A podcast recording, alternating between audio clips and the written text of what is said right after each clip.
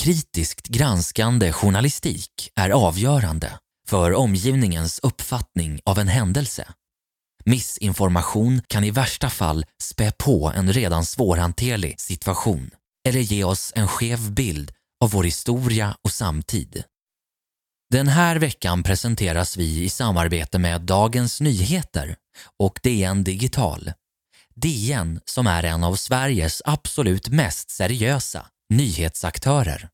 Som prenumerant av DN Digitalt så får du bland annat DN.se, obegränsad tillgång till alla artiklar på DN. DN.prio, dagligt nyhetsbrev med handplockad läsning. Dessutom ingår EDN, papperstidningen, i digitalt format de 30 första dagarna. Gå in på dn.se svenska mordhistorier för att registrera dig och läsa DN digitalt gratis de första fem veckorna. Nu börjar avsnittet.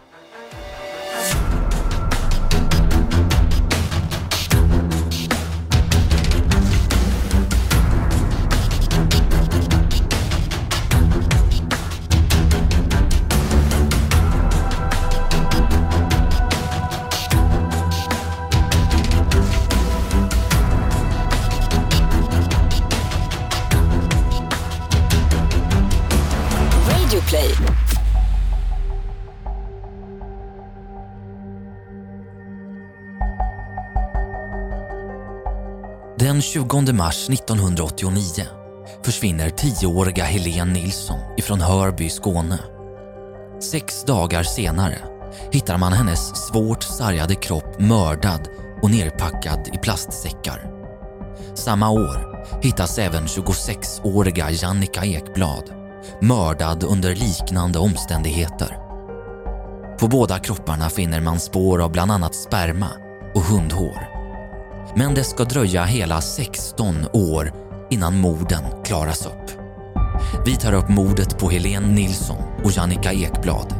Skribent och research Sofie Krantz. Källor GVs mord TV4, tidningen Café, Skånska Dagbladet och tingsrättsdomen i fallet.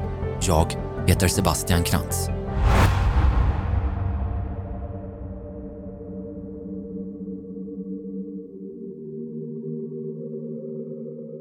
Måndagen den 20 mars 1989 sitter Helene Nilsson tillsammans med sina föräldrar och syster och äter middag för att fira föräldrarnas bröllopsdag.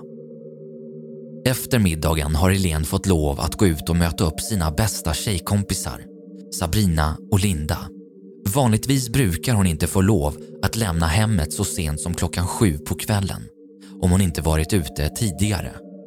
Men eftersom att det är första dagen på påsklovet så tyckte föräldrarna att det var okej okay att hon var ute lite längre. Helen försvinner ut genom dörren och ger sig iväg emot lågprisaffären i Hörby där hon skulle träffa sina jämngamla vänner. Men efter bara 20 minuter kommer vännerna och ringer på dörren hemma hos Helen och undrar vart hon är någonstans. Mamman svarar då att hon redan gett sig iväg och förklarar att de måste gått om varandra på något sätt. Under tiden vännerna varit vid hennes hus har Helen träffat på två andra tjejer som är nära vänner till hennes äldre syster.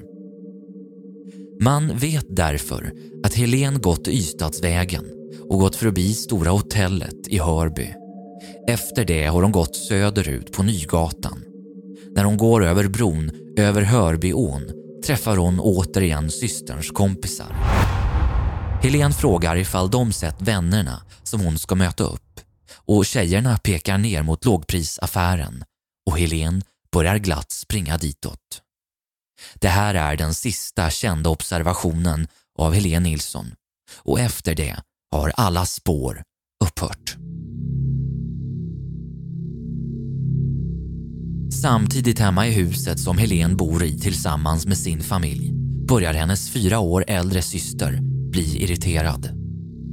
Systrarna hade haft ett stort bråk innan Helen gick hemifrån över att hon fick gå ut så sent. Systern hade också velat gå ut och vara med kompisar men fått stanna hemma på grund av att hon var sjuk.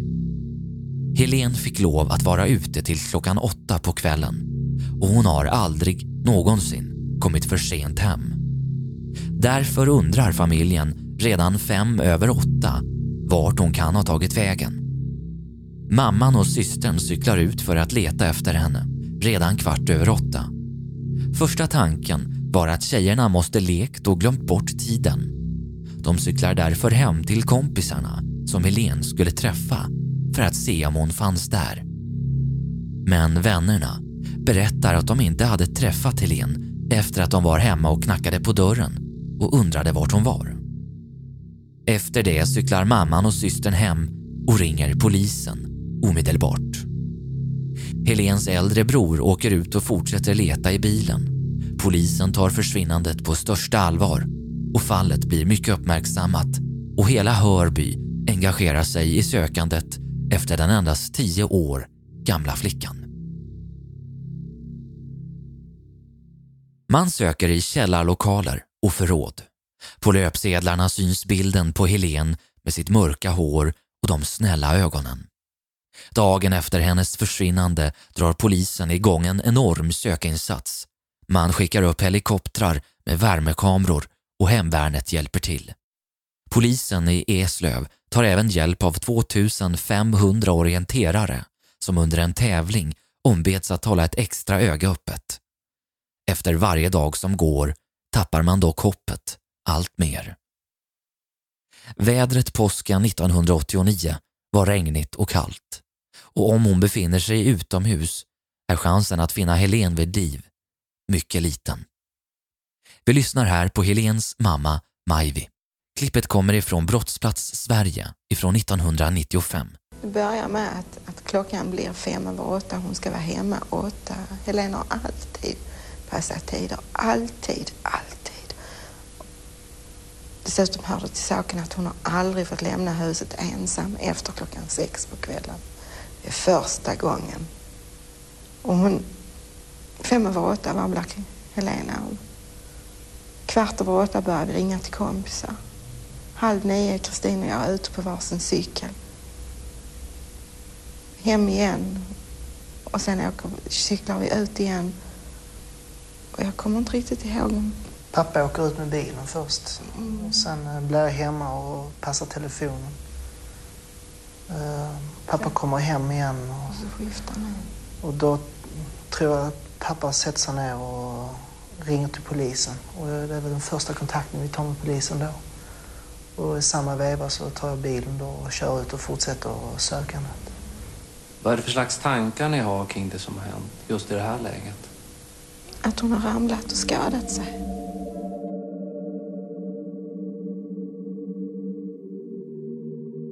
Man börjar med dörrknackning i området.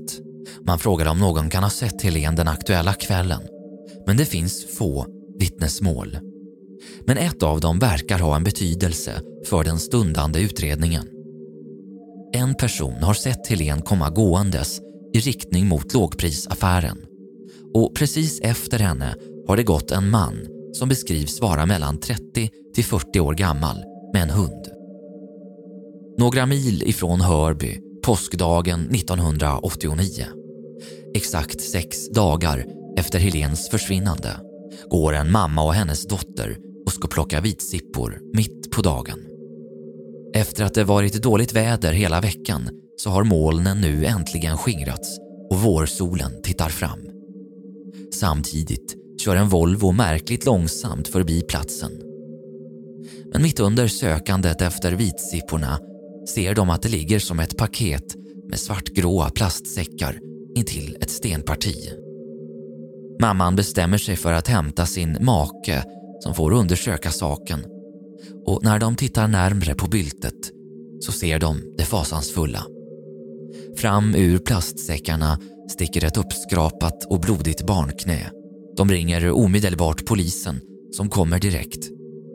När tioåriga Helen hittas är hon naken, våldtagen, strypt och ihjälslagen med någonting som tros vara ett järnrör. Vid obduktionen ser man också att förövaren låtit henne svälta henne i minst fyra dagar och låtit henne torkas ut helt. I hennes kropp säkras sperma och man hittar även spår av både hund och katthår på kroppen. Sperman skickas på analys, men 1989 så hade man inte kommit så långt fram i DNA-tekniken ännu. Man tar fram en profil på gärningsmannen som lyder. Mannen är troligtvis ifrån trakten. När det gäller sexualmord emot barn är risken för återfall mycket stor. Om gärningsmannen inte grips så kommer han med hög sannolikhet begå liknande brott. Och bara fyra månader efter att man hittat Helens kvarlevor hittar man en 26-årig kvinna mördad vid sidan av vägen endast fyra mil ifrån platsen där Helens kropp hittades. Bredvid kroppen ligger en plastsäck med blod på. En precis likadan säck som den som Helens kropp hittades förpackad i. Polisen är förbryllad till en början eftersom att det nu handlar om ett mord på en vuxen kvinna. Men likheterna är stora. Trots det så väljer man att utredningarna ska skötas separat. Det finns strypmärken på halsen, men dödsorsaken är kraftigt våld emot huvudet. Även denna kvinna är utsatt för sexuellt övergrepp och samma natt som hon försvunnit har hon också mördats. Även på hennes kropp säkras både hund och katthår av samma typ som på Helens. Fyndplatsen tyder på att kroppen har dumpats där, men själva gärningen har begåtts någon annanstans. Kvinnan som hittas heter Jannica Ekblad och hon är känd hos polisen sedan tidigare. Hon är prostituerad och är dömd för narkotikabrott. I september 1989 får polisen i Eslöv ett brev skickat till sig. I kuvertet finns tre stycken papper med noggrant klistrade bokstäver. I brevet står bland annat följande. Morden på Helen och Jannica. Varför? Jo, den jävla ensamheten och mobbad på jobbet av tjejerna ruvar på hämnd. Spaningsledaren Alf Andersson får även flera samtal av en man som tar på sig båda morden.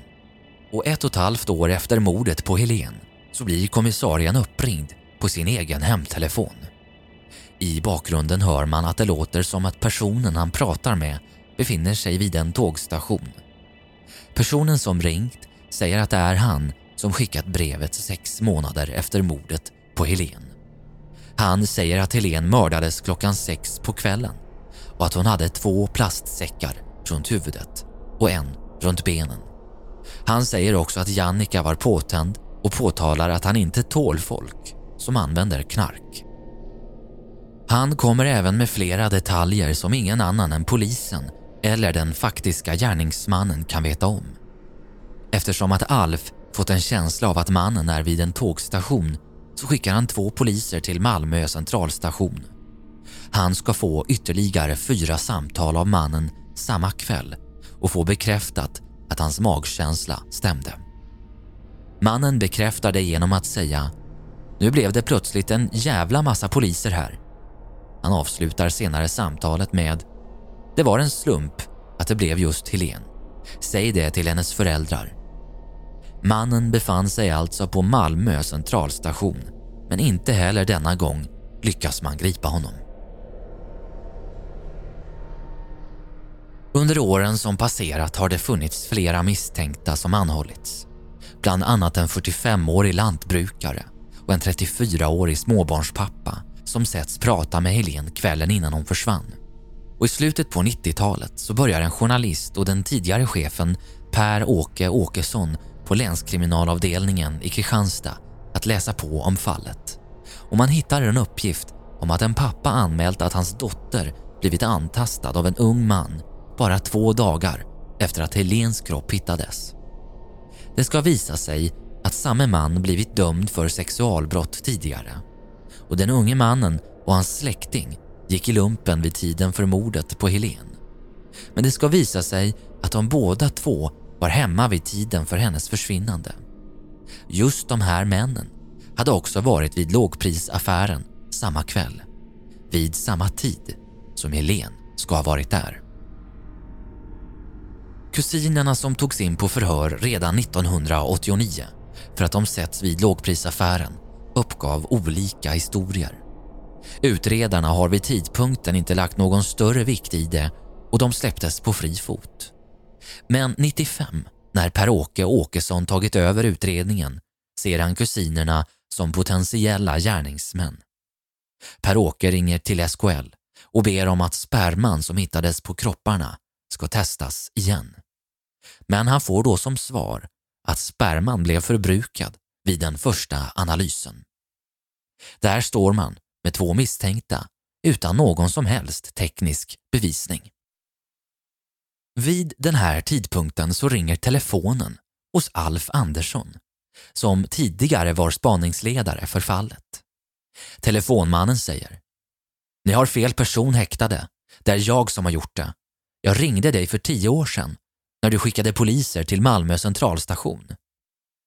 Han säger även i samtalet att det är en annan man som är skyldig till att ha tvingat honom att ha sex med Jannica och Helen och att det är denne man som ska straffas. Efter samtalet släpps kusinerna på fri fot men är fortfarande misstänkta. Hur skulle det vara att helt plötsligt bli en del av en mordgåta? På scenen har just ett brutalt mord begåtts. Vid en första anblick är det oklart vilka bevis som döljer sig i gräset. Vem är offret?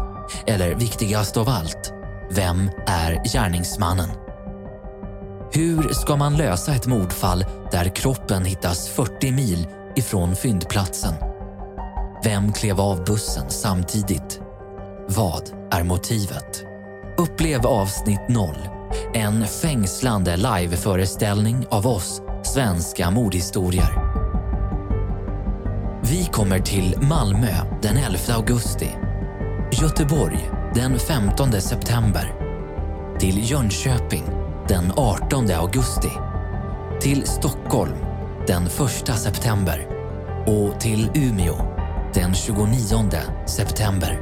Boka dina biljetter nu på www.mordfallet.se och bli en del av utredningen. Var med och lös mordgåtan under föreställningen direkt i mobilen. Hur många procent klarar uppgiften? Är du en av dem? Är du redo? Vi ses i höst. Mordfallet.se Samtidigt går en kvinna som vi valt att kalla för Anna-Lena hemma och funderar på en man som hon arbetat tillsammans med på en industri vid tiden för mordet på Helen. Den här mannen har alltid gett henne och andra kalla kårar och under årens gång så har hon alltid misstänkt att han kan ha haft någonting med mordet att göra. Han kunde vid tiden stå på jobbet och skryta om att han hade arbetat till sjöss och haft ihop det med småflickor. Den yngsta så ung som åtta år gammal. Han hade även stått och berättat för sina kollegor att han hade slagit ihjäl sin hund. Han var en enstöring och hade ingen direkt närkontakt med någon annan på jobbet. Anna-Lena har ändå försökt avfärda sina tankar om mannen och känt sig dum för att enligt henne själv, man kan inte gå runt och misstänka sina egna arbetskollegor. Men mannens namn är Ulf Olsson och han bodde i Hörby 1989. Han föddes i Hör 1951 men flyttade till Hörby när han var fyra år gammal. Som liten blev han misshandlad och utsatt för övergrepp av föräldrarna och hade redan i tidig ålder svåra psykiska problem. I tonåren blir han inlagd på psyket i Lund och när han släpps ut därifrån börjar han jobba på en båt som gick mellan Brasilien och Japan. 77 har han kommit tillbaka ifrån sitt arbete till sjöss och han träffar då en kvinna.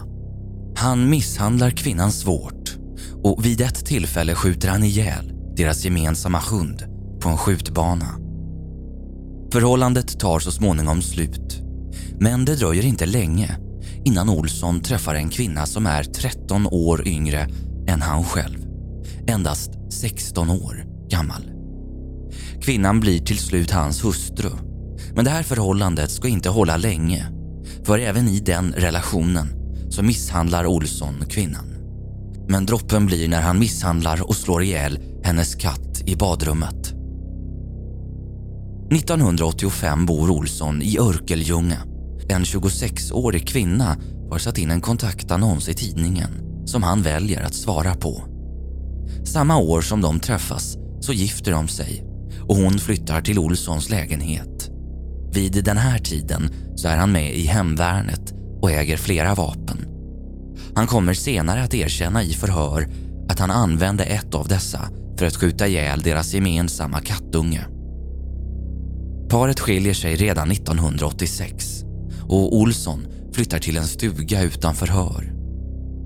I september 89, sex månader efter mordet på Helen och bara en månad efter mordet på Jannica, går Ulf Olsson på en personalfest. Där träffar han en kvinna som han har arbetat ihop med. Hon är endast 22 år gammal. Och vid den här tiden så har Olsson blivit erbjuden ett jobb i Vimmerby och han flyttar dit. Kvinnan kommer så småningom efter och de skaffar en son tillsammans. Förhållandet kommer inte hålla speciellt länge och när de går isär så är det kvinnan som får vårdnaden om sonen. Olsson får bara träffa honom när de har en kontaktperson ifrån socialtjänsten närvarande. Ulf får en något närmre kontakt med denna person och hon vittnar senare om att han en gång sa något mycket märkligt som taget ur luften. Hon ville ha mat och vatten, men det fick hon inte. Hon skulle ju ändå dö. Anledningen till att sista hustrun lämnar honom är för att han är psykiskt instabil. Han skjuter nämligen ihjäl hunden i det här förhållandet. I Vimmerby är Olsson känd som en märklig person. Han är känd av polisen sedan tidigare men inte som någon direkt brottsling utan han är dömd för snatteri en gång på 90-talet och även för att ha limmat fast skruvar i vägen så att bilar fått punktering. Cirka 13 år har passerat efter mordet på Helen och då hamnar den tidigare arbetskollegan till Ulf på en middagsbjudning där hon råkar stöta på en av utredarna som jobbar med Helenmordet. Utredaren heter Monica Olhed och där berättar Anna-Lena om den tidigare arbetskollegan som hon hade haft i tiden för mordet på Helen. Hon berättar om hans perversa snack om småflickor och hans obehagliga sätt. Hon förklarar att mannen hon pratar om heter Ulf Olsson men på jobbet brukar de kalla honom för Uffe Pervers. Monica lyssnar på när hon berättar att hon alltid undrat varför inte den här mannen varit föremål för utredningen. Utredaren Olhed antecknar hans namn och säger att honom ska de definitivt kolla upp. Men det kommer dröja innan det där tipset kollas upp då man varit upptagen med kusinspåret. Men därefter händer det någonting som ger nytt liv i utredningen. Det finns sperma kvar som nu kan testas eftersom att DNA-tekniken rört sig framåt genom åren som gått. Speciellt i England där man använder sig av en teknik som innebär att när man har väldigt lite DNA-underlag så kan det kopieras och göras fullständigt. Därför skickas den lilla mängd spermier som finns kvar och när man får tillbaka svaret ifrån England så jämförs det mot kusinernas DNA. Och trots att de är släppta vid den här tiden så har det fortfarande klassats som misstänkta i utredningen. Men nu kan de avfärdas helt. Den 15 april 2004 sammanställer polisen en lista på över 30 män som ska komma in och topsas. Och så småningom är det Ulf Olssons tur. Han ligger så långt ner som på nummer 29 på den här listan. Han kommer in till stationen och ska förhöras. Det är då onsdagen den 9 juni 2004. Det här året så bor Ulf fortfarande kvar i Vimmerby i Småland. Han dricker stora mängder alkohol och är fast i ett missbruk. När Olsson kommer in till polisen förklarar de för honom att DNA-provet är frivilligt eftersom att man vid den här tiden var tvungen att vara misstänkt på sannolika skäl för att tvingas gå med på topsning. Men Olsson säger att det inte är några problem alls och ställer upp. Monica Olhed har åkt ifrån Malmö till polisen i Vimmerby för att vara med när han ska topsas och förhöras. Hon har senare berättat att han gav ett samlat och relativt lugnt intryck. Olled tar med sig provet och lämnar det till SKL och det dröjer inte mer än ett par veckor så blir hon uppringd av sin chef och spaningsledaren för mordet Per-Åke Åkesson som själv blivit uppringd strax därinnan av SKL som frågat honom ifall han sitter ner eftersom att de har ett viktigt besked. De har fått en träff på namn nummer 29, Ulf Olsson.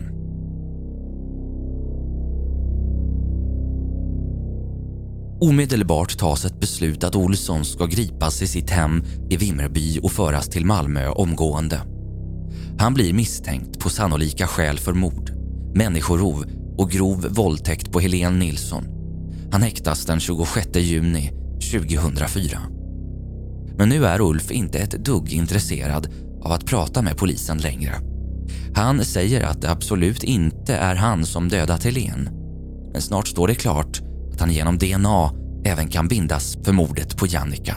Och den 5 augusti 2004 häktas han på sannolika skäl även för mordet på henne. Teknikerna börjar nu söka igenom stugan som Olsson bodde i 89 på ett ställe som heter Bokeslund. Stugan ligger inte så långt ifrån Hörby. Under tröskeln vid ytterdörren så hittar man blod som kommer ifrån Jannica Ekblad. Polisen håller ett förhör med en av Jannicas bekanta som pekar ut Ulf Olsson som en sexköpare och att hon varit ute vid hans stuga. Ulf är en känd sexköpare i Malmö vid den här tiden och han har ett rykte om sig att vara aggressiv. Och kvällen som Jannica ska möta upp Ulf så berättar hon det för en bekant. Det gör hon av den anledningen att hon är lite rädd för honom och beskriver honom för sin bekante som en mycket konstig person. När hon har kommit till Olssons stuga så har han enligt samtalet som man kunnat bevisa att han ringt till utredare Alf Andersson blivit förbannad på henne för att hon velat ha knark och genom obduktionen har han därefter försökt strypa henne men misslyckats med det och istället slagit henne med kraftigt våld emot huvudet. Den 26 november 2004 inleds rättegången i Lunds tingsrätt. Dagarna innan har Olsson berättat för en journalist att det enda han varit rädd för inför rättegången är att ställas inför Helens familj. Efter att Helens stora syster läst det här i tidningen så bestämmer hon sig för att hon ska närvara vid rättegången. Även Helens bror bestämmer sig för att följa med. Föräldrarna ville varken själva eller att deras barn skulle vara med vid förhandlingarna. Men mamman bestämmer sig ändå kvällen innan för att följa med. Intresset från allmänheten är stort och journalisterna överrumplar familjen när de efter en paus ska återgå till rättssalen. Ulf Olsson döms till livstidsfängelse i tingsrätten och vi läser upp delar ur domen om mordet på Helen. Vi vill här varna känsliga lyssnare för detaljer som kan uppfattas som stötande. Helene Nilsson har efter sitt försvinnande utsatts för människorov, grov våldtäkt och mord. Det står helt klart att Helene dödats genom misshandel. Påståendet om grov våldtäkt grundar sig på att man vid obduktionen funnit sperma i Helens kropp samt att hon har skador i underlivet. Påståendet om människorov har inte lika stark teknisk bevisning. Det finns ingen utredning som visar var det sexuella övergreppet har ägt rum. Dock så kan man utesluta att brottet har begåtts i hennes hem eller på någon annan plats där hon naturligt kan ha befunnit sig. Tingsrätten anser det därför som uppenbart att hon blivit bortförd mot sin vilja. Olsson har dödat henne flera dagar efter det sexuella övergreppet och har låtit henne svälta. Domen överklagas och den 27 maj inleds hovrättsförhandlingarna. Skuldfrågan ändras inte, men man gör en annan bedömning och Ulf Olsson döms istället den 5 juli till rättspsykiatrisk vård. Olsson vårdades på den rättspsykiatriska kliniken i Sundsvall och de första åren spenderar han med att skriva en bok som i det stora hela handlar om att han är oskyldig. Boken heter Utan rättssäkerhet. Tidigt på morgonen den 10 januari 2010 påträffas Olsson död i sin cell. Han har hängt sig. Tidigare har han lagt upp ett långt inlägg på sin blogg och i den sista delen så skriver han följande.